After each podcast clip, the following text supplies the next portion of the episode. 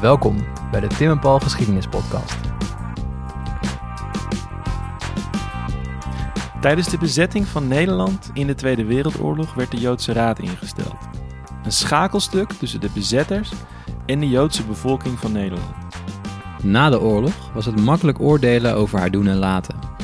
De vele mythes rond de Raad gaan over eigenbelang en opportunisme.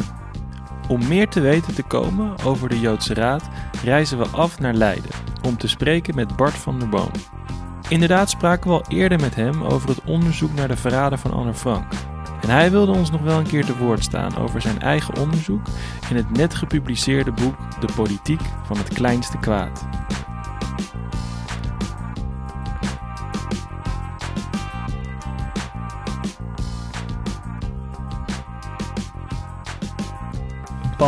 Goedemiddag Tim. deze keer eh, vanuit misschien wel een van de leukste, gezelligste kamers op, een, op de universiteit waar ik ooit geweest In ben. tijden zijn geweest. Ja. ja, zeker. Een grote boekenkast, allemaal, allemaal echt best wel mooie, smaakvolle meubels ook. Mooi uitzicht. Ook mooi uitzicht. Ja, Ehm, en een krakende leunstoel, dat Ja. is ook heel gezellig. authentiek. Maar waar zijn we? We zijn in Leiden en we zijn te gast bij Bart van der Boom. Ja, En die kennen onze trouwe luisteraars natuurlijk al, want we hebben al eerder een, een aflevering opgenomen, eigenlijk een korte aflevering, ja. een viral history. Over de... En toen is de belofte al gedaan.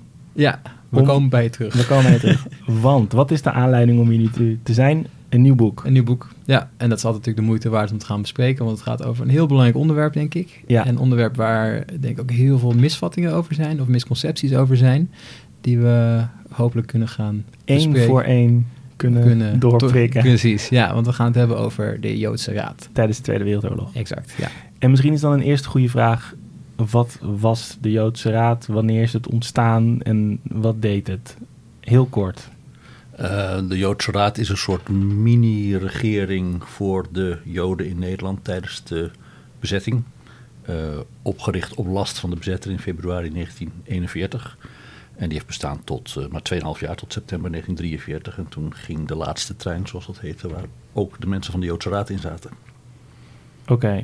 En daar heb jij heel lang aan gewerkt om een boek over te schrijven? Nou, een jaar of vijf. Dus Nou ja, dat vind lang ik wel maar- lang. ja. Ja, maar maar wat, wat in het onderwerp heeft je getriggerd? Waarom dacht je, dit verdient een boek? Nou, het is, een, het is best een veelbesproken onderwerp, waarover eigenlijk al heel lang niet is gepubliceerd. Dus sinds Presser en de Jong, eh, dus jaren 60, 70, is er eigenlijk niet meer, eh, niet meer echt omvangrijk over gepubliceerd. Ehm, en een andere aanleiding is mijn vorig boek, dat alweer tien jaar geleden uitkwam. Dat ging over de vraag wat eh, mensen destijds tijdens de oorlog wisten van het lot van de gedeporteerde Joden. Eh, wij weten niets van hun lot, heet dat boek. Ehm, en de strekking van dat boek is dat mensen dus maar, wat betreft de deportatie van de Joden, maar half snappen wat er gebeurt. Hm. Ehm, en dat dat van belang is om, om te begrijpen waarom mensen deden wat ze deden. En de Joodse Raad is daar volgens mij een heel goed voorbeeld van. Dat dat is een soort gedrag dat achteraf onbegrijpelijk is. Ja. Maar als je het door de ogen van destijds bekijkt, wordt dat veel begrijpelijk. ja, want dat is misschien, mis- misschien meteen een goed vertrekpunt. Je hebt eh Lou de Jong genoemd al. Ja. Die was vrij hard, toch, voor de Joodse Raad na de oorlog? Zo van, Ja, en Presser ook. ja. Die hebben eigenlijk allebei... Samengewerkt met de bezetter, hoe konden ze dat doen? En Ja. ze waren zelf Joods notabene. Ja. Zo'n soort idee, toch? Ja, ja, ja. En dat is wel begrijpelijk, want ehm, kijk, de Joodse Raad die ging er vanuit dat gehoorzaamheid het kleinste kwaad is. Daarom heet dat boek voor mij ook de politiek van het kleinste kwaad. Ehm, en die hamerde dus alsmaar op, op gehoorzaamheid. Die, die, die, die vonden dus dat Joden moesten gehoorzamen, dat ze beter niet konden onderduiken, dat dat het, de minst slechte strategie was. Ja, na de oorlog was natuurlijk iedereen helder dat dat een desastreus slecht advies was geweest. Dus, eh, zeker in Joodse kring, dachten heel veel mensen... ja, als, als die Joodse raad niet zo'n slecht advies had gegeven... dan leefde mijn grootvader misschien nog. Dus, Ja. dus die weerzin tegen de Joodse raad die was heel erg groot. Ehm, bovendien was er... Ja, achteraf is het ook heel moeilijk te begrijpen hoe die Joodse Raad kon blijven meewerken op het moment dat de deportaties begonnen. Daarvoor is dat misschien nog wel te begrijpen, maar daarna wordt dat echt wel ingewikkeld. Als, als de treinen naar Auschwitz en Sobibor rijden, hoe kun je daar dan nog aan blijven meewerken? Ja. En toen was dus ook al snel de veronderstelling dat ja, eigenlijk de enige verklaring ervoor waarom mensen dat toch deden, dat meewerken, dat dat eigen belang was. Dus dat de Joodse Raad eigenlijk alleen maar hadden meegewerkt om hun eigen hachje te redden. Eigenlijk zichzelf en hun eigen familie misschien buiten. Ja, hun Ja. eigen familie, hun eigen stand ook. Dat Ja. is ook heel erg de invalshoek van Presser. Hè? Dat het ook een soort regenten zijn die eigenlijk andere regenten zo lang mogelijk proberen te beschermen. En de, de kleine man, de sinaasappelkarmannetjes Ja. eh, daaraan opofferen. Eh, dat is heel erg het narratief geworden over de Joodse Raad. En, en mensen als Presser en de Jong en later ook Hans Knoop die erover heeft geschreven. Ja, die waren daar heel boos over. Dus die hadden eigenlijk geen goed woord over voor de Joodse Raad. En dat is dus wel begrijpelijk. Maar tegelijkertijd is dat voor een historicus een probleem. Want ja, voor een historicus is toch de vraag: maar oké, waarom deden die mensen dat dan? En dan is die verklaring van eigen belang, die is wel heel indimensionaal.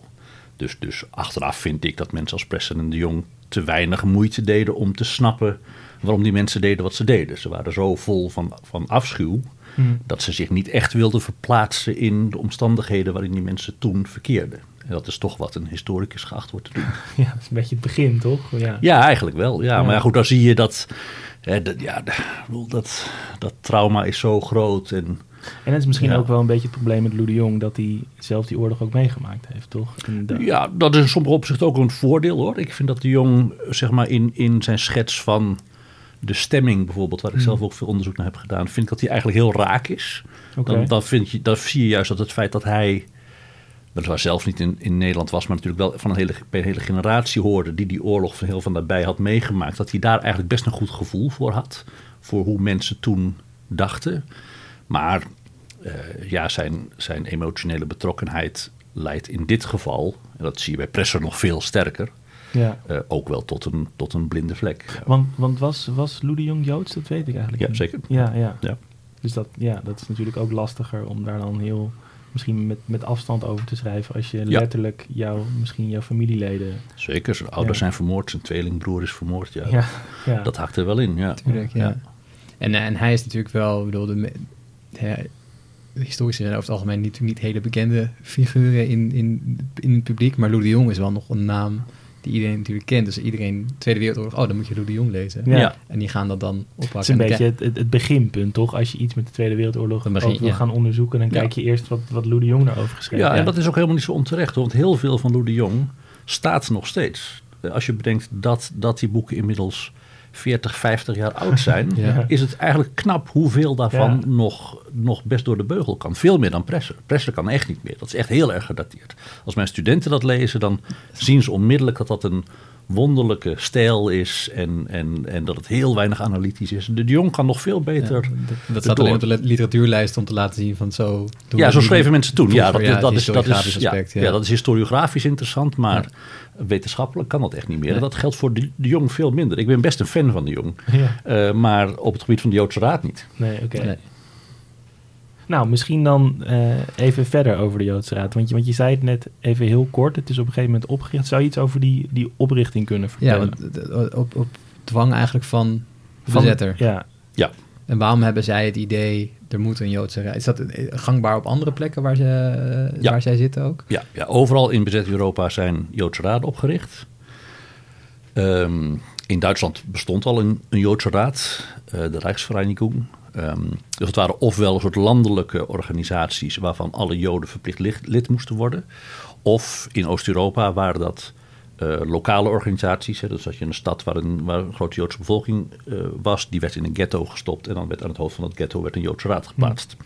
Dus overal in bezet Europa waren dat soort organisaties die dus bedoeld waren als zeg maar, het enige contactpunt tussen de Joden, die natuurlijk zoveel mogelijk uit de maatschappij gestoten moesten worden, en de buitenwereld. Dus Joden konden alleen maar via de Joodse Raad eh, in contact komen met andere autoriteiten en andersom. Dus ook hè, Nederlandse autoriteiten konden alleen maar via de Duitsers, die weer contact hadden met de Joodse Raad, zaken doen met de Joodse Raad. Dus het is echt bedoeld als het enige luik zeg maar, in de muur die om het ghetto heen staat. maar hoe, hoe was dat bij die oprichting dan geregeld? Er was, wie werden daarvoor gekozen? Waren dat mensen van statuur, toch die re- regenten van, van Bresser? Of Ja.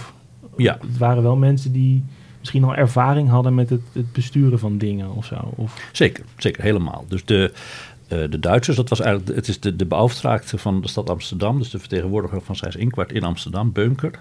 Die heeft op een gegeven moment opdracht gegeven, en we weten niet precies wat daar de aanleiding voor is, maar die heeft in februari 41 de opdracht gegeven aan ehm, drie mensen, de twee opperrabijnen, dus de Portugese en Askenazische opperrabijn en eh, Abraham Ascher, de diamantair, om een Joodse raad op te richten. En het kan zijn dat de aanleiding was dat Bunker toen dacht aan een ghetto in Amsterdam. Hij heeft toen plannen gehad, kortstondig, om in Amsterdam ook een ghetto te maken. Dat is er nooit van gekomen. Maar het kan zijn dat dat de aanleiding is geweest. Dat weten we eigenlijk niet goed. Ehm, maar in ieder geval, hij gaf dus die drie mannen de opdracht om zo'n Joodse raad te vormen. Toen hebben de twee rabbijnen gelijk gezegd: dat is niet onze taak, want wij zijn geestelijke leiders. Ja. Toen heeft Asher zijn eh, vriend en collega bestuurder David Cohen, de klassicus, gevraagd om dat samen met hem te doen. Ja. En zij hebben toen, als zeg maar, de twee co-voorzitters, hebben zij een aantal andere, een kleine 18, 19 andere mensen gevraagd om in die Joodse raadszitting te nemen. En dat zijn allemaal de usual suspects. Dat zijn allemaal hè, de geëikte vertegenwoordigers van allerlei verschillende Ja. groepen. Hè. Dus er moet iemand uit de vakbond bij, er moet iemand van de Portugese gemeenschap bij, er moet iemand uit de Zionistische hoek bij. En zo Ja. is dat helemaal bij elkaar gepuzzeld. Een paar ondernemers. En, en over hoeveel mensen hebben we het dan? In totaal ja, ligt een beetje aan wanneer je, ongeveer 20 mensen. Ongeveer 20. En die kwamen dan op gezette tijden samen, hadden een vergadering. En, Ja, dus die, die, die eh, kwamen meestal eens in de twee weken bij elkaar. Dus de voorzitters hebben eigenlijk de macht. Ja. Asher en Cohen. De andere leden van de raad, dat is eigenlijk meer een soort raad van toezicht. ja. Eigenlijk een soort adviesorgaan. Die hebben strikt genomen hebben die weinig macht, maar die worden wel overal ingekend. Dus zodra het ingewikkeld wordt, vragen Asher en Cohen wel echt alsmaar dekking van die raad. ja. En die komen aan het hoofd te staan van een steeds grotere staat in de staat. Die ook de Joodse Raad wordt genoemd. Dus eigenlijk zijn de twee dingen die de Joodse Raad noemt. Dat kleine gezelschap van die deftige mannen. Ja. En het enorme apparaat dat ze besturen. Ehm, en die organisatie is steeds groter geworden. Omdat die steeds meer taken over moest nemen. Die de overheid, de Nederlandse overheid normaal vervulde. Want wat, wat waren die taken dan als organisatie? Zij gaven dingen, ehm, persoonsbewijzen uit of zo? Of juist niet? Of, Nee, geen persoonsbewijzen, maar ze hebben bijvoorbeeld de Jodenster gedistribueerd. Ah, Eh, zij ja, regelden onderwijs op het moment dat Joodse kinderen alleen nog naar Joodse scholen mochten. Zij regelden ziekenzorg op het moment dat Joodse artsen alleen nog maar Joodse patiënten mochten hebben. Ja. Joodse ziekenhuizen werden gerund. Eh, op een gegeven moment nemen ze zelfs de groentedistributie over in Amsterdam. Ehm, dus er zijn allemaal zeg maar, taken die normaal gesproken door de Nederlandse overheid werden gedaan, die nemen ze over. En er komen allerlei taken bij, omdat de Duitsers natuurlijk allerlei beperkingen opleggen. Ja. Dus Joden moeten vergunningen hebben om een fiets te hebben. Of ze moeten vergunningen hebben om te mogen reizen buiten hun gemeente. Nou, die vergunning moeten ze dan aanvragen bij de Joodse Raad. Misschien is even nog een, een, kleine, kleine komma hier toe te voegen dat eh, voor degene die dat niet... Dit is niet dat vanaf dag één na de inval dat het meteen alles, zeg maar, zoals hetzelfde was als in 1944 en 45. Toch? Dat is Nee. de, de maatregelen worden langzaam Ja, ingevoerd. ja, Ja. ja, ja. ja, En het grote, zeg maar, het grote breekpunt is de zomer van 1942. Dus zeg maar halverwege het bestaan van de Joodse Raad. Die begint in februari 41 en die eindigt in september 43. Nou, precies halverwege ligt zeg maar, het keerpunt en dat is het begin van de deportaties. Ja. Dus dat is juli 1942. En dat maakt echt wel alles anders. En, en hoe merk je dat in, bij de Joodse Raad in correspondentie? Wordt daarover gesproken? Hebben zij in de gaten? ja, daar- wist, dat is natuurlijk de hamvraag. Wisten zij dat? Dat dat eraan zat te komen? Of, Ehm, dat is moeilijk te zeggen. Ehm, eh, kijk, iedereen ziet wel dat die maatregelen steeds verder gaan. Hmm. Hè, dat de Joden steeds verder uit de maatschappij worden gedreven. Dat is ook wel heel erg wat je ook in dagboeken terugvindt. Hè, van de, de strop wordt steeds nauwer ja, aangetrokken. We mogen dit niet meer, we mogen dat niet meer, we mogen niet meer fietsen, we mogen niet meer naar de bioscoop, we mogen niet meer in de tram. Ehm, en in oktober 41 beginnen al de deportaties uit Duitsland. Er worden Duitse Joden al naar ghetto's in Polen gestuurd. Hmm. En na een tijdje worden ze daar ook massaal vermoord. Dat is niet direct bekend, maar dat ze naar Polen worden gestuurd is wel bekend. dat, dat was in Amsterdam, in Nederland. Dat is bekend, want er zijn veel, er zijn, zijn 20.000 of zo Duits-Joodse vluchtelingen. Er zijn veel mensen met familie in Duitsland, dus Oh ja, dat, is, ja. dat is al snel bekend. Ja, Dus vanaf dat moment zijn er wel eh, mensen eh, die verwachten dat zou ons ook nog wel eens boven het hoofd Hmm. kunnen hangen. Aan de andere kant op het moment dat die deportaties worden afgekondigd, dat is eind juni 42, krijgt de Joodse Raad dat bericht, is dat wel echt een enorme schok. Hm. Dus in die zin hadden ze het ook weer niet helemaal verwacht. Ja. Ja, en, en dan hoe... Want er is ook dat verhaal toch, dat is misschien een beetje hak op de tak, maar zo'n ding van dat de Joodse Raad dan mensen voorbereiden op hun deportatie. Van Ja. neem, neem wat spulletjes mee of zo, Ja. toch? Dat is ook heel luguber Ja. eigenlijk. Ja dat, ja, dat is luguber en tegelijk is dat heel veelzeggend. Kijk, de, het hele idee van... Misschien ook een beetje uit de context getrokken natuurlijk. Nou nee, ja. maar dat, ik kan het echt wel weer in de context zetten. Ja, daar hebben we jou voor. Kijk, kijk, ja. kijk het, hele, het hele idee van, van mijn boek is om te laten zien hoe die eh, medewerking van de Joodse Raad met die vervolging, inclusief de medewerking aan de deportaties, niet meer zo vreemd is als je het door de ogen van destijds bekijkt. Ehm, eh, voordat de deportaties begonnen, zie je dat die medewerking van de Joodse Raad in Joodse kring heel breed gedeeld wordt. Hm. Eh, de Joodse Raad heeft bijvoorbeeld ehm, eh, vertegenwoordigers in het land. Hè, die, die is, eerst is dat de Amsterdamse organisatie, die krijgt steeds meer zeggenschap elders. Dus die moeten op een gegeven moment in het najaar van 41 moeten die ver- vertegenwoordigers in het hele land krijgen, in alle gemeenschappen waar Joden zijn. Ehm, en de mensen die ze daarvoor weten te strikken, dat zijn weer allemaal de, de vaste, de geëikte mensen. De, de voorzitter van de Nederlands-Esthetitische gemeente, de, de, de voorzanger, de huisarts, eh, de, Mm, de textielbaron. De mensen die altijd al overal voorzitter van zijn, die, die Ja. gaan dat ook doen. Dus Ja. je ziet gewoon, dat is, ja, en dat is heel erg mainstream dus. Het zijn echt de geëikte leiders die zich daarachter zetten. En dat is heel relevant, want daarin zie je dus dat de Joodse Raad is geen rare organisatie naar de maatstaven van destijds. Nee, Allemaal nee, nee. van die gerespecteerde mensen die denken, ja, dat moeten we inderdaad doen. Ja, Dus vervolgens is de vraag, maar hoe kan dat dan dat ze dat willen? Nou, dat, dat is denk ik wel te begrijpen, omdat je dus ziet dat ze hebben het idee, wij moeten, die, wij moeten een vinger in de pap houden. Zolang wij betrokken zijn, kunnen wij invloed uitoefenen. Kunnen we dingen verzachten, kunnen we termijnen oprekken, kunnen we, hè, dan hebben we een onderhandelingspositie. Ze denken, die mensen moeten verzorgd worden. De Joden hebben zo'n overheid nodig. Hm. Eh, ja, de, kun je hoog springen of laag springen. Maar ja, kinderen moeten naar school. Iemand Ja. moet die scholen organiseren. en mensen werden wel aan hun lot overgelaten, toch? Ja, Ja. ja. anders, anders zou je ze aan hun lot overlaten. Ja. Dus het idee is, ja, wij krijgen die opdracht. Wij kunnen wel weigeren omdat we geen vuile handen willen maken. Maar wat bereiken we daarmee? Nou ja, dat we eigenlijk onze mensen in de steek laten. Het is ook een hele paternalistische organisatie. Het zijn echt regenten die het idee hebben... Wij, wij- moeten zorgen voor... Ja, Dus wij de moeten het mensen volk, helpen, ja. wij moeten de mensen helpen. Dat is hè, dus dat, dat zit er ook wel, wel diep in. Dat is ook wel van belang om te snappen hoe dat werkt. Ehm, maar ze hebben dus wel het idee, wij, wij moeten mensen verzorgen, wij moeten invloed uitoefenen. En vooral, wij moeten voorkomen dat het escaleert. Hm. Want in februari eh 41, op het moment dat de Joodse Raad tot stand komt, worden ook voor het eerst in een razzia mannen opgepakt en naar Mauthausen gestuurd.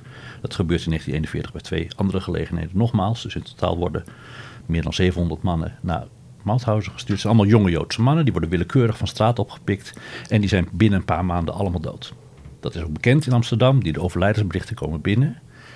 En dat maakt onder eh, Joden en ook in niet-Joden in Nederland een gigantische indruk. Dat wordt algemeen bekend in heel Nederland. Iedereen weet, Mauthausen, dat is het ergste. Dus vanaf dat moment hebben die mensen van de Joodse Raad ook het idee van... ja, onze voornaamste taak is om te voorkomen dat dat gebeurt. Die Duitsers die gaan duidelijk over lijken. Dus we moeten alles eraan doen om te voorkomen dat het escaleert. Ja, dat, dat onze mensen niet van de straat worden geplukt en naar Mauthausen worden gestuurd. Ja, En, ja, dus alle verzet, zelfs verzet van niet-Joden... zal op de Joden worden gebroken. ja. Dus dat moet je juist voorkomen. Dus je moet alsmaar mensen inpeperen. Hou je rustig. Eh, eh, werk mee. Niet prikkelen. Niet, geen, geen glazer veroorzaken. Want dan zijn we nog veel verder van huis. Hadden zij dan ook contact met, met verzetsgroepen? Bijvoorbeeld, wat je, kunt je voor, ja, wat je zegt eigenlijk, als, als er een stel jongens met steenguns Ja. een bonkantoor overvallen, dan zijn zij de gebeten hond Ja. uiteindelijk. Ja, ja. Nou ja, kijk, in 41 is er nog niet zoveel verzet. Nee, nee. Maar een deel van die represailles, waar die eh, bijvoorbeeld in, in, in september en oktober 41 worden er een paar honderd Joodse mannen in Twente en in Gelderland opgepakt. Mhm. Dat is naar aanleiding van kabels die daar worden doorgeknipt. Ja. eh, via machtcommunicatiekabels. Ja. Eh, dus ja, daar, daar, daar leiden die Joodse leiders natuurlijk uit af. Ja, dat is allemaal wel heel heldhaftig. Maar wie betaalt daar Ja, de prijs voor? Ja. Ja. Ehm, dus dat idee dat de Joodse Raad eigenlijk tot taak heeft om de zaken rustig te houden, omdat het anders nog veel erger is. Dat is een heel dominant idee. En dat is niet zo vreemd. Want Nee. het is ongelooflijk schokkend dat er honderden Joodse mannen zomaar dood worden gemaakt. Ja. Dat, dat, dat vinden ze bijna niet te geloven. Dat dat kan Dat gebeuren. is natuurlijk waar we het begin, in het begin natuurlijk even over hadden. Maar natuurlijk, wij weten wat er daarna gebeurt. Ja. Dus wij weten hoe dit afloopt. Ja. Eh, en zij natuurlijk niet. En Nee. het is natuurlijk zo moeilijk voor ons natuurlijk voor te stellen hoe het is voor hun om dat te voor, voor te stellen dat dat ooit zou gaan gebeuren. Ja. Ja. Probeer je maar eens in te leven in 41, in 40 van, oh ja, Auschwitz. Dat is, Ja. Nee, daar, daar Ja. denkt dus ook niemand aan. Nee. Dus op het moment dat die deportaties beginnen, dan zie je dat diezelfde manier van denken eigenlijk nog steeds bestaat. En dat is achteraf is dat bizar, maar op het moment zelf is dat niet bizar. Ehm, want ook nadat die deportaties beginnen, hebben ze het idee: oké, er blijven allerlei Joden achter. Het is zelfs heel lang onduidelijk of er niet heel veel Joden achter zullen blijven. Dus lange tijd het idee: misschien wordt Vught wel een heel groot arbeidskamp. Daar kunnen misschien wel 40.000 Joden blijven. Dus het idee dat er een deel van de Joden naar Polen gaat, maar dat een deel ook in Nederland blijft, dat blijft heel lang tot wel april 43 blijft dat een beetje boven de markt hangen. Dat is allemaal onduidelijk of dat zal gaan gebeuren. Dus het idee, er blijven Joden achter, die moeten verzorgd worden, dat blijft gewoon geldig. En ook het idee waar je net naar verwees, mensen moeten verzorgd worden, ook de mensen die op transport gaan. Want die gaan naar werkkampen. Er is een hele lijst van dingen die je dan nodig hebt. Je hebt een stofbril nodig, je hebt werkschoenen nodig, je hebt een stevige warme jas nodig, je hebt eh, vitaminepillen nodig, je hebt allerlei andere dingen. Je hebt een rugzak nodig, dat moet allemaal goed ingepakt worden. Je hebt een deken nodig. Dus die, Heel veel Joden hebben dat niet. dus die brave mensen zijn dat allemaal nog gaan kopen? Ja, en de Joodse Raad is dat allemaal ook gaan produceren.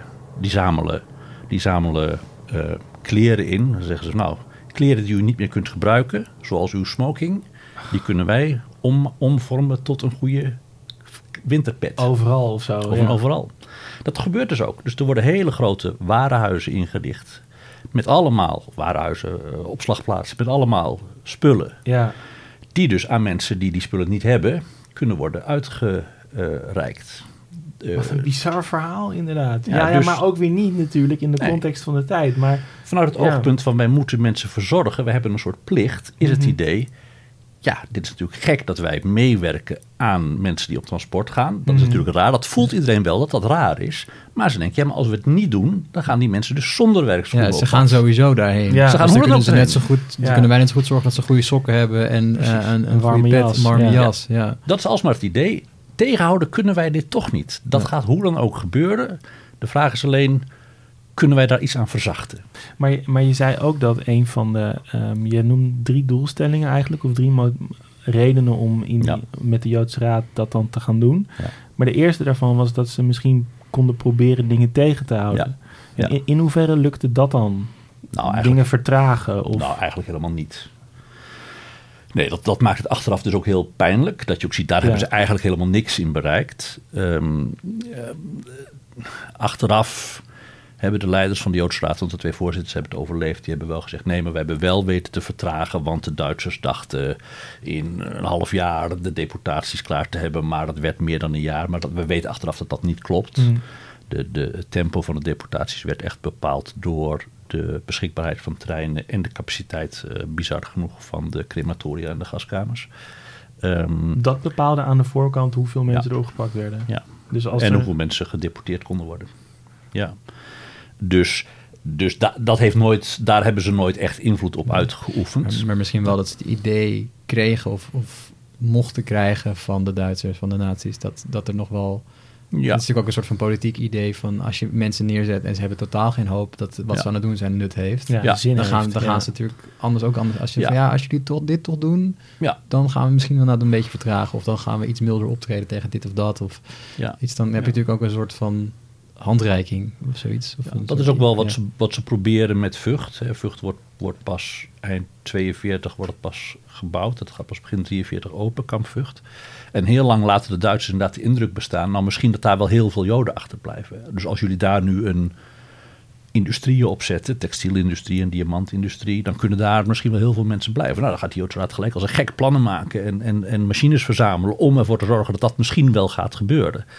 Eh, dus alles om toch nog iets ten gunste te doen. En heel af en toe bereiken ze ook iets. En je hebt gelijk, dat is ook gewoon tactiek. ehm, eh, als de eerste treinen naar Auschwitz rijden, dat is eh, 15 juli 1942, dan zijn dat goederentreinen, goederenwagons. Dat wordt al heel snel bekend in Amsterdam dat het goederenwagons zijn. Dan maakt de Joodse Raad zich buitengewoon boos over dat die mensen in goederenwagons worden vervoerd.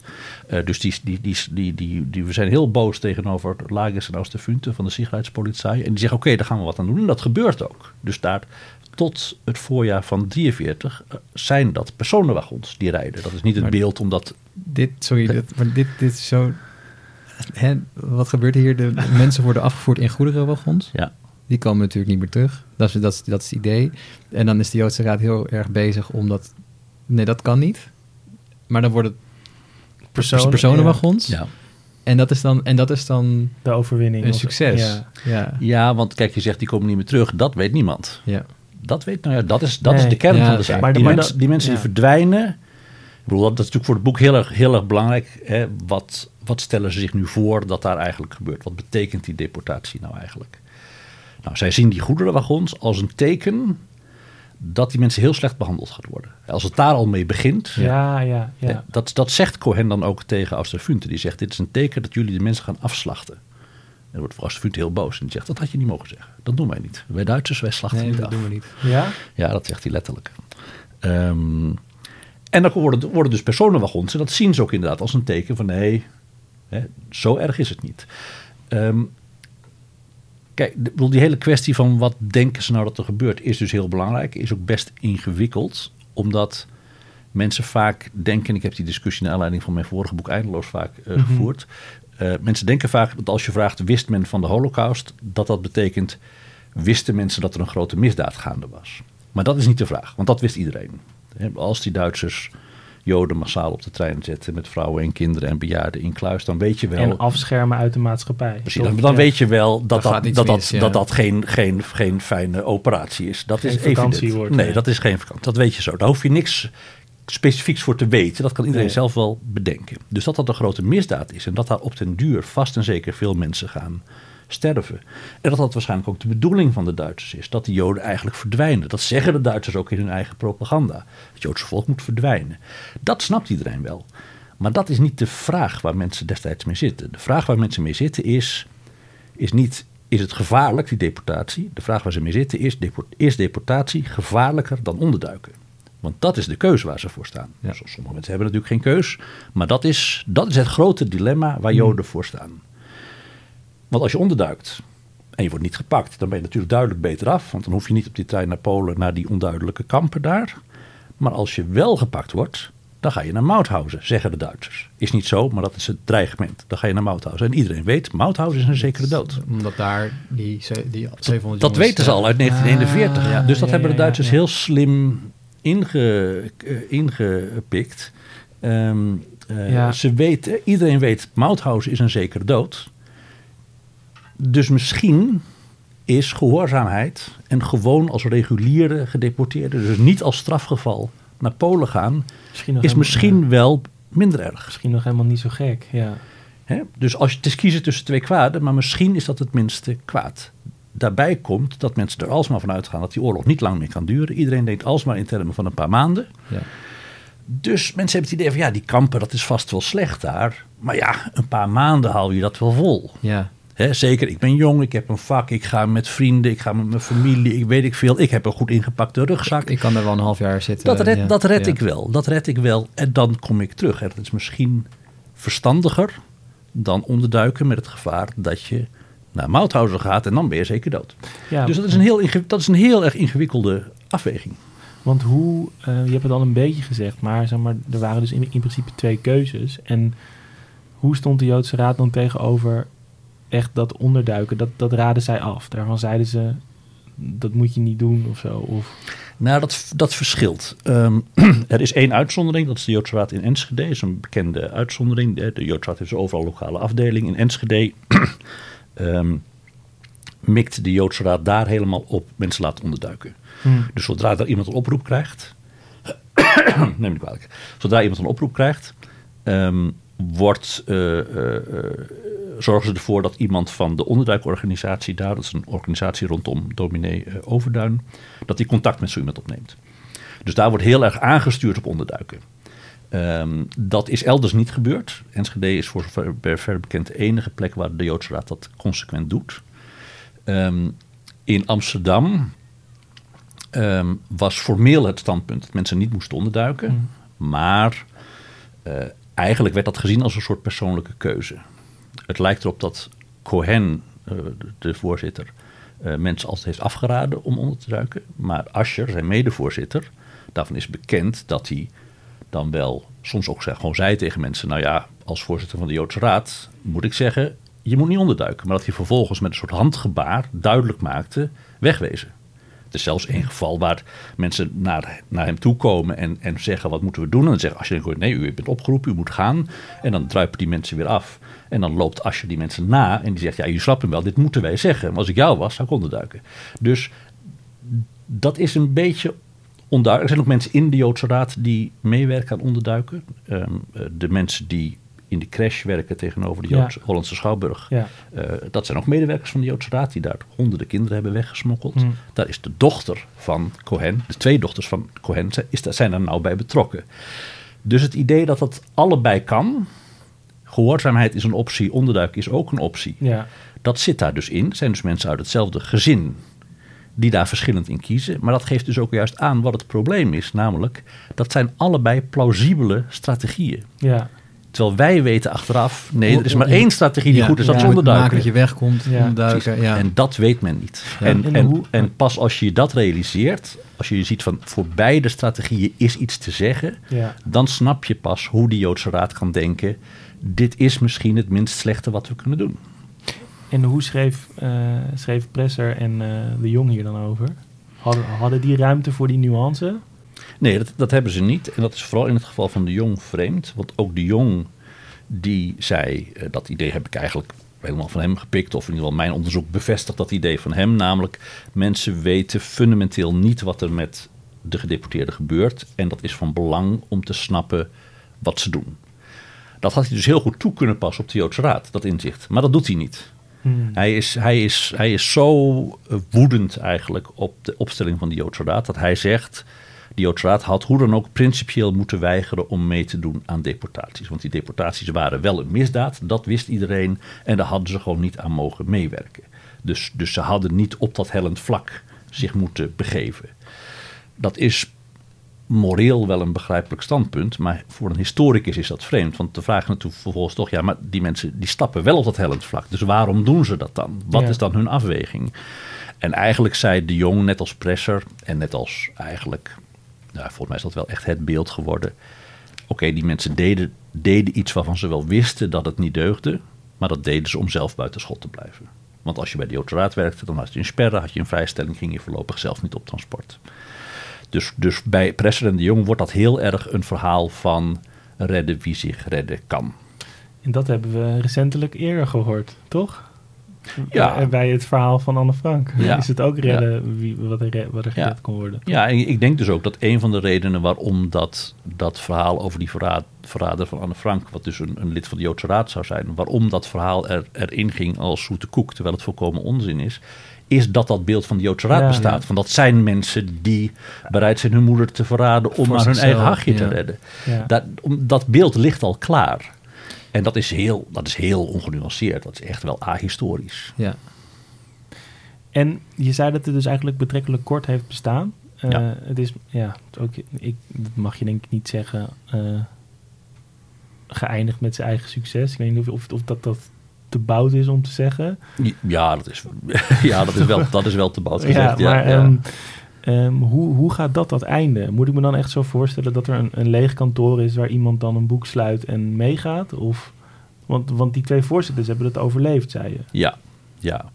Ja, nou kijk, de, eh, in mei 1943 zijn er al zoveel Joden gedeporteerd dat de Joodse Raad de opdracht krijgt om de helft van zijn sperren, van zijn vrijstellingen in te leveren. Dus ze hebben 14.000 vrijstellingen nog op dat moment en ze moeten er 7.000 inleveren. Dat wordt een enorm drama. Dat heeft ook in de hele herinnering aan de Joodse een grote rol gespeeld, die, die, die halvering van de Joodse Raad. Want mensen moeten dus, dus eigen collega's en familieleden moeten ze de bescherming afnemen. Ehm, tegen, op dat moment, Dus dat is, dat is ehm, v- 25 mei, is zoiets. Dat die, dat die mensen op transport gaan. Dan komt er op 20 juni nog een grote razzia in Amsterdam. En dan is het inmiddels wel duidelijk van, nou ja, dit, dit is verder het einde. Hè. Dit is, er gaan geen grote groepen Joden in Nederland blijven.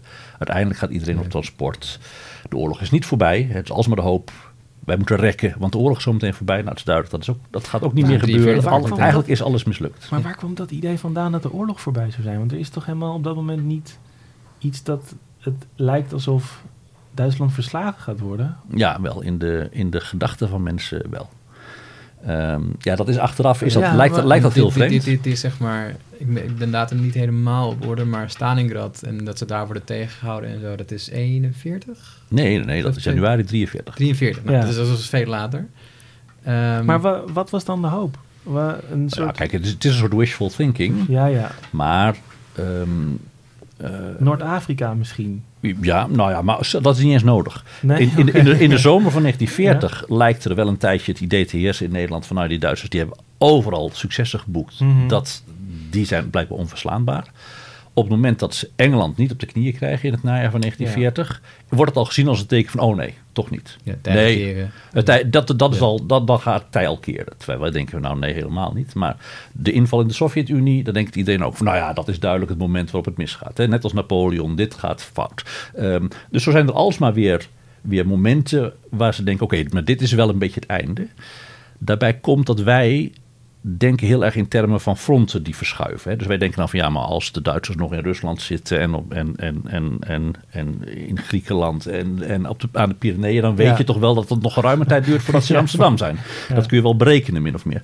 Maar zo denken mensen niet, omdat ze ook heel erg denken in termen van een soort plotselinge ineenstorting. Mm. En zo is de Eerste Wereldoorlog ook geëindigd. Ja. Zonder enige vijandelijke soldaten Ja. op Duits grondgebied. Maar wel met een revolutie die ineens een eind aan alles maakt. Ja. Dus dat idee van dit is een soort, dit ziet er van buiten misschien imposant uit, maar van binnen is dat allemaal verrot en er is opstand en er is ontevredenheid en zo meteen dan stort alles in. Dat idee dat leeft alsmaar. Wauw, maar dus in de zomer van 43 eh, worden die, die sperren, zei je, hè? Dan moeten ze dat halveren. Ja. Ehm, en, en wordt het dan opgeheven? Of blijft het bestaan formeel? Of... Nee, uiteindelijk wordt die Joodsraad opgeheven, maar, maar wat je in die zomer ziet, en dat maakt die zomer van 1943 wel een, een wonderlijke periode, is dat eigenlijk enerzijds is het wel duidelijk dat het gewoon allemaal mislukt is. Ja. En toch blijft die Joodse Raad dan nog heel erg druk bezig met allemaal dingen regelen. En ook wel vrijstellingen regelen voor zichzelf. En dan zie je dus wel van ja, er zit ook iets in van.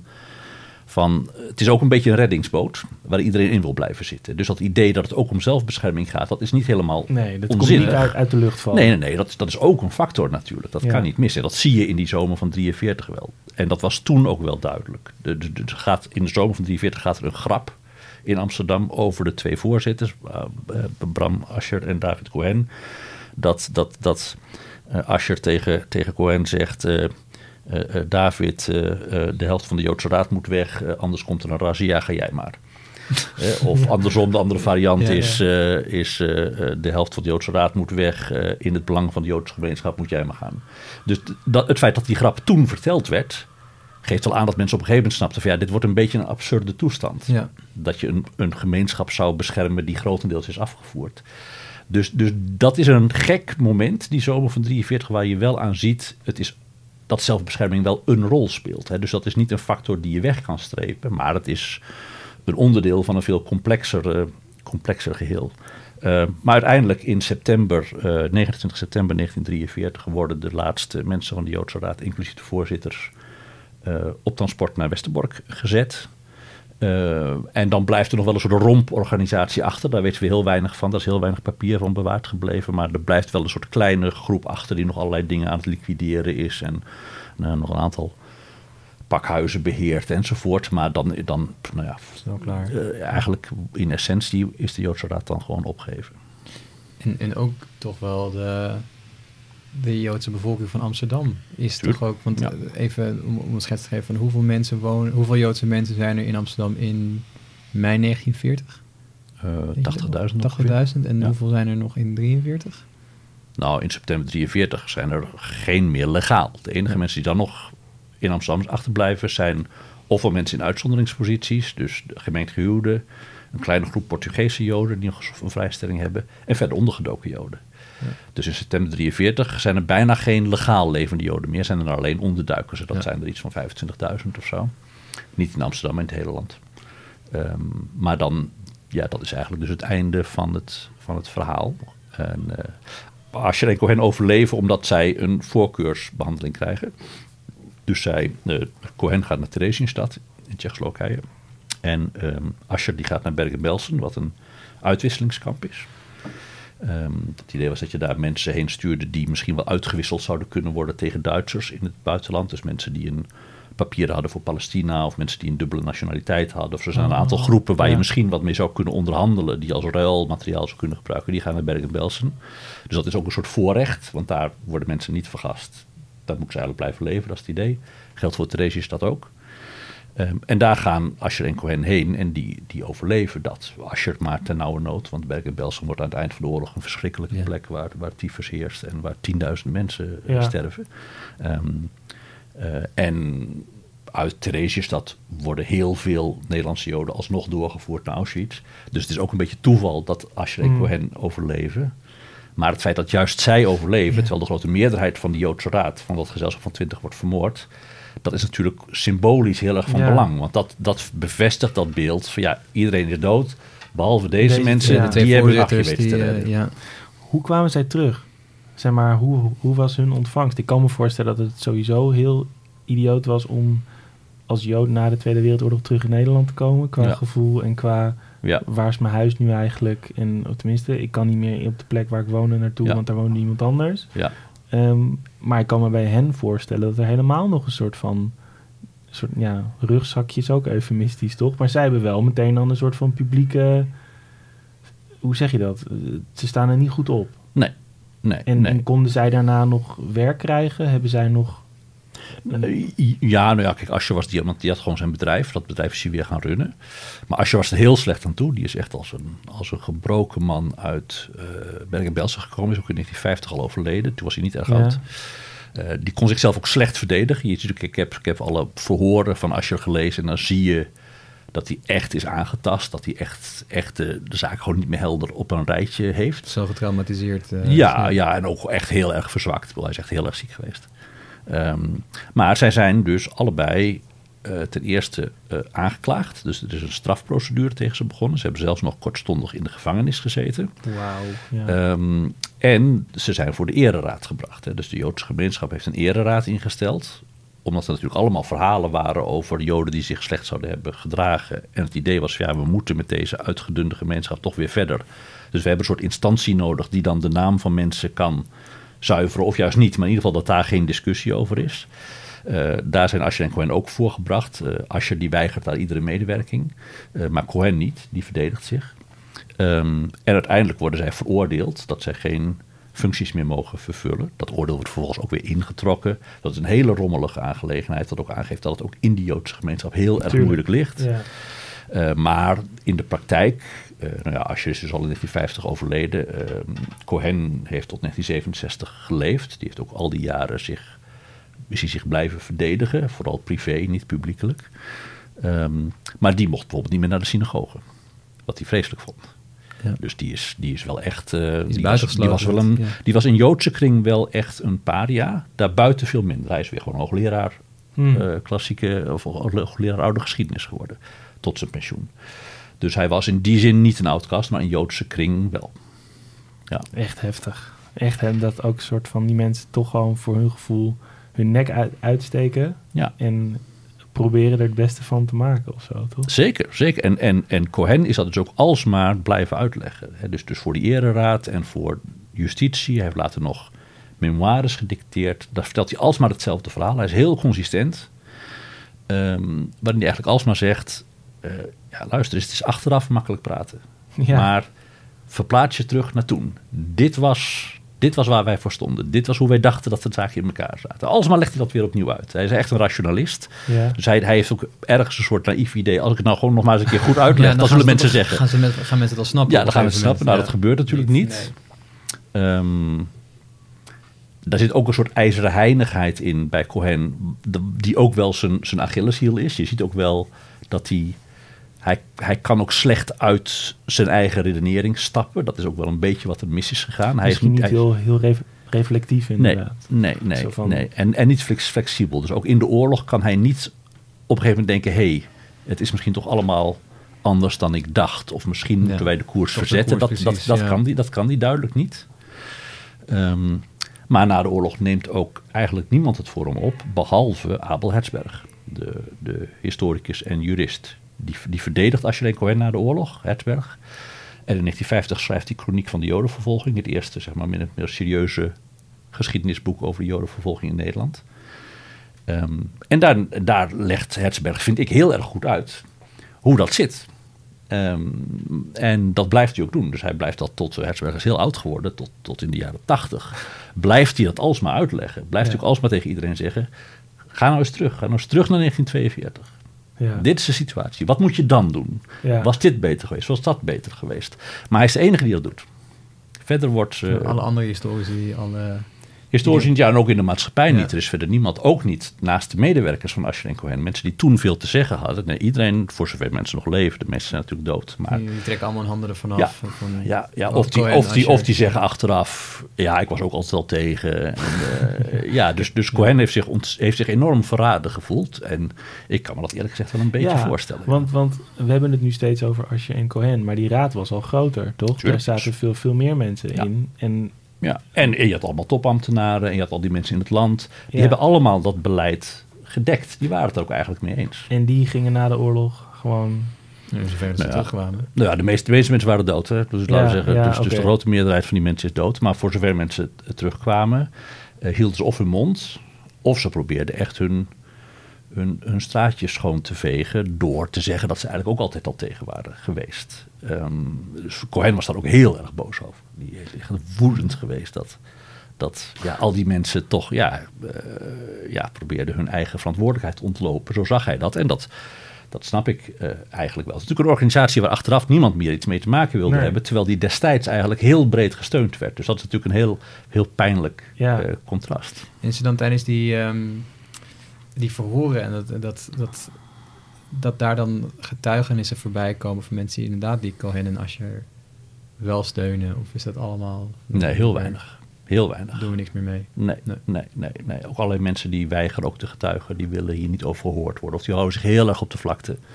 Terwijl er wel allerlei hele wilde beschuldigingen tegen Ja, hen worden ingebracht. Dus er Ja. komen allerlei mensen langs die de wildste verhalen vertellen. Daarom is dus ook dat verhaal over dat verraad van Anne Frank. Ja, ik bedoel, dat er iemand is die zegt... oh, ik weet een lid van de Joodse Raad... die heeft massaal Joden verraden. Dat is niks bijzonders. Dat is bijna, ik zal niet zeggen dat het routine was... maar ik bedoel, dat soort, Ja. dat soort beschuldigingen komen in, in dat dossier tegen Asher en Cohen... waar deze beschuldiging ook uitkomt, komen alsmaar voor. Dat er briefjes door de brievenbus worden gegooid met... jullie hebben de boel verraden. En jullie zijn, Ja, ja. er zijn allerlei wilde indianenverhalen over wat de Joodraad allemaal heeft, eh, heeft misdaan. En heel veel daarvan is onzin. Ja, want dat is toch ook het verhaal, dat kunnen we nu misschien ook beter duiden, maar dat er een lijst zou zijn met onderduikadressen. Ja, ja dat, is, dat is typisch zo'n mythisch verhaal over de Joodse Raad. Slaat nergens op. Nee, het slaat echt helemaal nergens op. Als we jou goed beluisteren, eh, was het standpunt van de Joodse Raad formeel niet onderduiken. En Zeker. gewoon doen, doen wat je gevraagd wordt, want anders wordt het alleen maar erger. Zeker. En bovendien, kijk, waar de Joodse Raad dus één van de drijfveren van de Joodse Raad is, wij moeten voorkomen dat mensen gestraft worden. Ja. Dus het idee dat de Joodse Raad een lijst met honderden namen van Joden die Ja. ondergedoken zitten aan de Duitsers zouden geven, dat is krankjorum. Dan snap je echt niet wat voor mensen dat waren en wat voor organisatie Ja. dat is. Dat is een volkomen fantasiebeeld. ja. Ehm, maar ja, goed, daarvoor moet je dus wel de context kennen om dat te kunnen inschatten. Ja, een hele andere vraag hoor, maar we hebben het nu al best wel lang over dit onderwerp. En ik merk dat ik het, dat ik het gewoon heel naar vind. En best wel gewoon wat, je, wat dat we ook had, het hadden over die meneer die dan misschien zijn smoking kon laten vermaken om een, om een, een pet of een werkpet of, of Ja. een overal te maken. Ja. Hoe zorg jij dat je hier niet aan ten onder gaat als je dit soort verhalen de hele dag leest? maar dat is misschien gewoon Ja, persoonlijk. als je elke dag inderdaad geconfronteerd wordt Ja. met dit, dit- het, het ergste wat mensen elkaar kunnen aandoen. Ja. Zo'n beetje. Ja. Eh, Word je niet, en je bent er niet al helemaal jaren mee bezig en expert op dit gebied. Dat je Ja. dan op een gegeven moment denkt, ja, Nee, nee, dat gebeurt niet. Maar dat volgens mij. ehm, nou, nee, kijk, aan de, ene, aan de ene kant is het gekke, het went nooit. Dat is dus vreemd. Ik geef ook hoorcollege hierover. Ehm, en ik waarschuw studenten ook altijd van tevoren in het hoorcollege. Mensen, er komen momenten dat ik een verhaal vertel waar ik zelf van ontroerd raak. Dat is gek, want ik weet al lang wat ik ga vertellen. Maar er zijn gewoon bepaalde citaten of beelden of interviews of dingen die je kunt vertellen.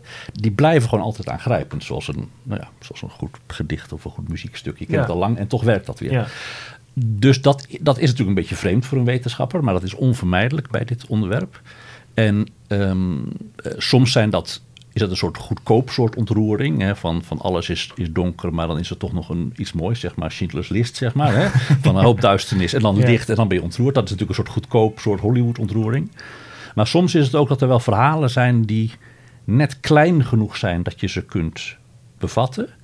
Maar die toch een soort korte blik geven op die enorme oceaan van verdriet. Eh, in het Joods Historisch Museum, tegenwoordig het Joods Museum, liggen briefjes die uit de trein gegooid zijn. Hmm. En die zijn verschrikkelijk aangrijpend. Omdat mensen gewoon schrijven, ik kom terug, al moet ik lopen. Eh, nou eh, al briefjes van een soort hoop en mensen praat, praat zichzelf moed in en zo. Nou, is natuurlijk peanuts vergeleken met dat hele drama. En toch krijg je daar even een soort glimp van iemand die daar echt een briefje schrijft en zichzelf moed probeert in te praten. En tegen achterblijf, achterblijvers probeert gerust te stellen. En dan krijg je even een soort klein, klein glimpje van dat, dat verschrikkelijke drama. En dat blijft dus ehm, altijd weer mij aangrijpen. Ik heb veel dagboeken gelezen, daar zitten hele aangrijpende dingen bij. Ehm, maar, dat is de andere kant, ehm, het, is ook, het blijft ook een soort kennis die eigenlijk mijn levensgevoel niet verandert. Hmm. Dat is natuurlijk eigenlijk inconsistent. Maar het is wel zo. Ik heb gewoon een hele fijne jeugd gehad. Ik ben, gewoon, ik ben gewoon volwassen geworden met het idee dat de wereld prima voor elkaar is. Ja, inmiddels weet ik wel dat dat niet zo is. Maar dat, dat, dat is te laat. Ja. Eh, Dus, dus dat gevoel van een soort veilige, harmonieuze wereld, dat raak ik niet meer kwijt. Dus dat, dat maakt het. Het is voor mij ook niet persoonlijk. Ik bedoel, ik ben niet Joods. Ik heb geen, geen ingewikkelde banden met de oorlog op de een of andere manier. Ehm, dus je hebt een Dus het- afstand tot het onderwerp. Van, ja, dus, aan- nou ja, dus ook weer niet. Want anders zou het me ook weer niet aangrijpen. Maar dat, dat verandert dus niet fundamenteel iets. Terwijl er natuurlijk wel Nee. mensen zijn die hier veel... Ja, die dit nou, veel iemand Louis Jong bijvoorbeeld. Misschien Ja, daar toch Tuurlijk. eh, ja, en, en ook Presser. Presser die had, die, dat, ja, dat had het boek nooit moeten schrijven. Die, die, die, dat was voor hem een verschrikkelijke belasting. ja. Ja, ja. Ja, nou, ik, ik vind het wel mooi wat je zegt. Want het is ook wel een manier om toch te relativeren. Ook al wil je het niet relativeren, toch? Maar dat je toch nog een soort van... Wat je, ja, dat je toch misschien nog het goede ziet of zo in de wereld tegelijkertijd. Of Ja, nou ja eigenlijk, eigenlijk niet. Laat ik zeggen, want wat je, wat je er vooral aan ziet is vooral ehm, ja, hoe, hoe wij eh, westerse mensen f- nog niet zo lang geleden volkomen de weg zijn kwijtgeraakt. Ja, Eh, Dat zeg ik ook steeds tegen studenten. Van dit gaat over de slachtoffers en de daders. zijn mensen die heel erg op ons lijken. Dat is echt niet lang geleden. Mijn moeder leefde toen. Dat is niet lang geleden. Ja. Ehm, eh, en dus dat is eigenlijk heel erg, eh, heel erg zorgwekkend. Eh, die, die enorme uitbarsting van gekte en wreedheid. Eh, anderhalf miljoen kinderen vermoord. Ja, dat is toch dat is verpletterend. bizar, ja. ja, dat is natuurlijk echt verpletterend. Hè? En Dat gaat, gaat helemaal nergens over. Pure gekte. Dus ja, dat is niet lang geleden. Dat zijn mensen die lijken op, op wij allemaal. Dus dat heeft iets, natuurlijk iets ontzettend zorgwekkends. Ehm, dus ik probeer studenten er ook altijd van te, van te overtuigen dat ze daar ook iets uit mee moeten nemen. Eh, bijvoorbeeld dat ze niet allemaal ladikoek moeten geloven. En dat complotdenkers niet grappig zijn, maar gevaarlijk. Ehm, Ja. Maar dat is, dat is natuurlijk wel een soort bron van een enorm ongemak. En dat moet het ook zijn. Alleen, ja, persoonlijk, strikt persoonlijk, tast dat eigenlijk mijn gevoel over de wereld niet aan. Maar dat is dus eigenlijk, ja, omdat het gewoon een beetje, ja, ja, dat is nou helemaal gevormd. Dat is niet anders. Het is Nee, een soort dom, dom optimisme wat je er gewoon niet meer uit krijgt. ja. Ja. Paul, het is, het is weer zover. tijd. Bijna een uur weer onderweg. Ehm, heb jij nog een laatste vraag? Ehm, ja, maar dat gaat eigenlijk niet over de Joodse raad waar we, net over, en waar we het net over hebben gehad. Maar eigenlijk nog twee als het mag. Omdat jij het bent. Omdat ik het ben. Ja, de eerste is dan, dan dat haakt een beetje aan op, je geeft college en heb je studenten hier zitten. Ehm, en dat geldt voor jou, Tim, ook. Wij zijn generatiegenoten, bijna leeftijdsgenoten. Wij hebben opa's en oma's gehad in de oorlog. Jij zegt net, eh, jouw moeder eh, leefde Ja. tijdens de oorlog. Dat wordt natuurlijk steeds verder. Ja. Eh, ehm, dus ik denk, ik, ik weet niet hoe mijn wiskunde nu zit, maar de mensen die nu op de universiteit zitten, die hebben waarschijnlijk net wel of net niet hun grootouders in de, eh, in de oorlog gehad. Dus dat wordt steeds verder. En hoe, hoe zie jij dit, dit onderwerp, de, de toekomst hiervan? Want die, die ooggetuigen die zijn er natuurlijk steeds minder. En als ze er nog zijn, zijn ze natuurlijk steeds minder goed aanspreekbaar. Ja. Ehm, hoe zorg je dat dit onderwerp nog op de agenda blijft staan en dat het nog steeds relevant is rond 4, 5 mei, et cetera, dat soort... eh, Maar ja, dat lijkt redelijk vanzelf te gaan. Want kijk, al, al in 1985, bij de 40ste eh, verjaardag van de bevrijding, dachten mensen al van nou, dat is de laatste grote herdenking. Ja. Is Want nu, nu, zijn, nu zijn we wel een Ja. beetje klaar. Lou, Lou de Jong is klaar. eh, we weten alles. Eh, nu is, nou, dat is- dat- achteraf gezien is dat meer het beginpunt eigenlijk. Is er daarna nog veel meer aandacht voor de oorlog gekomen. Dus in die zin heeft het verdwijnen van de ooggetuigen niet veel effect gehad. Die heb je natuurlijk ook helemaal niet nodig om dat verhaal te vertellen. Lees Primo Levi. Nou, die is beter dan welke ooggetuige ooit zou kunnen zijn. Dus die dagboeken, dat is allemaal ontzettend indringend. Dus in die zin heb je geen levende mensen nodig om dat verhaal te vertellen. Ehm, tegelijkertijd, ja, het wordt natuurlijk op een gegeven moment wel gewoon geschiedenis. Ja, het wordt natuurlijk steeds abstracter, toch? Op- ja, en, en in zekere zin is dat ook niet slecht. Laten we zeggen, als wetenschapper Nee, ja. vind ik dat niet gek. Denk ik, nou, dat is ook wel fijn dat we het gewoon als geschiedenis kunnen gaan beschouwen. Dat is ook eigenlijk wel een beetje mijn, mijn agenda, dat we dat meer moeten doen. Want je ziet bijvoorbeeld bij de Joodse Raad, ja, al die emoties daaromheen, die helpen het begrip niet. Die helpen het historische begrip niet. Nee. Aan de andere kant, en dat is dus een beetje paradoxaal, is denk ik wel een reden dat ik überhaupt in dit onderwerp geïnteresseerd ben, is dat het natuurlijk zo'n enorm moreel en politiek probleem is. En dat ik ja, ook wel, juist ook wel wil dat mensen zien eh, wat hier kort geleden enorm mis is gegaan als een soort waarschuwing. Dus dat is eigenlijk weer helemaal geen historische invalshoek. Dat is eigenlijk een hele morele in, Ja. politieke invalshoek. Dus ik zit daar zelf ook een beetje dubbel in ehm, eigenlijk. Eh, behalve dat ik wel denk dat om te weten wat je daar nou uit moet leren, moet je het allereerst goed begrijpen. Hm. Ja. En als je bijvoorbeeld ziet, wat denk ik echt wel een belangrijk inzicht is, wat, wat historici hebben gekregen in de afgelopen twintig jaar, dat die holocaust heel erg draait om ideologie, om een overtuiging. Dus niet uit een soort wreedheid van mensen vinden het leuk om te vermoorden. Nee, dat vinden mensen meestal niet zo leuk. Maar als je ze maar een verhaal biedt wat dat rechtvaardigt, dan gaan ze het toch doen. Dat idee, dat hier een soort oprecht geloof achter zit, van dit zijn mensen die erop uit zijn om ons eigenlijk uit te roeien en daarom moeten wij hen eerst uitroeien. Ja, als je dat realiseert dat het zo werkt, dan is dat dus wel een soort waarschuwing voor het soort, ehm, nou, het soort gedachten waar wij ons eh, druk over moeten maken. Dus dat als in de Tweede Kamer wordt gepleit voor een kopvolle tax, dat je dan wel moet denken, hé, hey, dat, dat gingen wij toch niet meer doen. Dat was toch Ja, eigenlijk heel ja. slecht uitgepakt in het verleden. Ja, ja, je mag het niet meer zeggen, het is een Godwin, maar ja, als, je, als, je, als we die les niet willen trekken, ja, Nee. wat, wat dan nog wel? Wat heeft het er nog voor zin om het überhaupt over die oorlog Ja, te want het is, het is natuurlijk soms een, een enorme dooddoener om te zeggen... ja, maar in de oorlog ging het ook zo. En dat, en, maar Ja. soms is het ook wel heel erg relevant om wat wel te zeggen van... ja, maar dat, dat, is, dat Ja, moeten en- we niet doen. Maar het is natuurlijk ook in, in, in discussie. Ik heb dat ook wel eens gedaan of gezegd. En dan merk je ook gewoon in de discussie dat de discussie dan een soort van klaar is. Want het is een soort Ja. van het, Ja, het, het, het argument, tegenargument. Als het tegen je, dan kom je niet in een normaal gesprek niet, niet al overeen. Dus het is ook een soort Nee. van bijna een kernbom in een gesprek. Want dan ben je Ja. klaar met elkaar of zo, Ja. toch? En dat is de Ja, moeilijkheid is er ook ja. aan. Ja. Ja, dat is waar. En, en kijk, toen ik studeerde in de jaren tachtig, ja, toen noemden wij iedereen eh ter rechterzijde van, eh, van het PvdA noemden wij fascist. Dus dat hielp ook niet. Dus daar hebben we Ja. wel wat eh, punten verspeeld, denk ik. Ehm, maar aan de andere kant, Je moet het wel kunnen benoemen met elkaar als er bepaalde dingen gebeuren. Of dat je bepaalde dingen Ja. ziet, toch? Ja. ja, ja, ja ik, bedoel, ik probeer mijn studenten er altijd van te, te doordringen. Ten eerste van het idee van ontmenselijking. Dat je mensen gaat, gaat behandelen als eigenlijk soort ongedierte. Als ratten, als bacteriën, als mensen die een bedreiging voor ons zijn. Die niet helemaal menselijk zijn. Dus ik zeg, dus laat ze allemaal propaganda zien en zo. Ik laat ze filmpjes zien. Ik zeg, nou, dit is, dit is wat je dus doet als je, als je mensen wil ophitsen tegen een andere groep. Dus zeg ik dan ook tegen ze. Dus als jij een politicus hoort praten over dobbernegers. Ja, dan is dat niet grappig. Dat is verschrikkelijk. dat is precies hoe je dit doet. Ja. Net doen alsof dat geen mensen, alsof dat geen medemensen zijn. Dat is heel erg. En dat Ja. geldt voor complotten ook. Ik bedoel, eigenlijk die hele holocaust is heel erg een complottheorie. Mm. Het idee van daarachter, achter de schermen, zit een duistere club mensen die heel slecht zijn, maar ook heel erg machtig. Die eigenlijk alles beheersen. Ja. En die erop uit zijn om ons allemaal tot een soort slaven te maken. Nou ja, dat soort praatjes worden her en der overal verkondigd. Alleen zijn het nu eh, bankiers of het is eh World Economic Forum. Of het is, Of- of maar het is het dezelfde gekte. Het is precies Joodse dezelfde gekte. ook.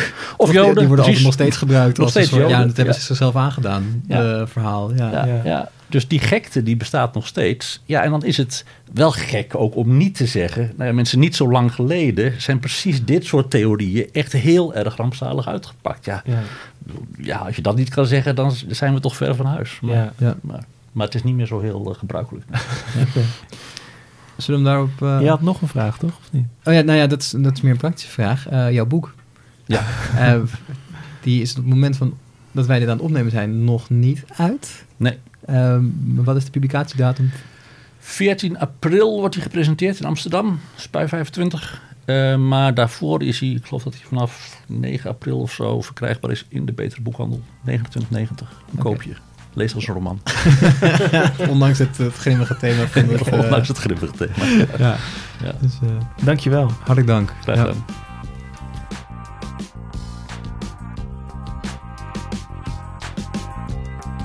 Je luisterde naar de Tim en Paul Geschiedenis Podcast. Een onafhankelijke podcast van Tim Streefkerk en Paul de Jong. Met muziek van Mart Jenninga. Vond je dit nou een interessant verhaal? Laat dan een recensie achter. Dat wordt zeer gewaardeerd. En vergeet ons ook niet te volgen via Instagram of Facebook.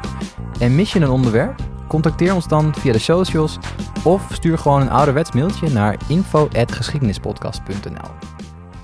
Groetjes thuis.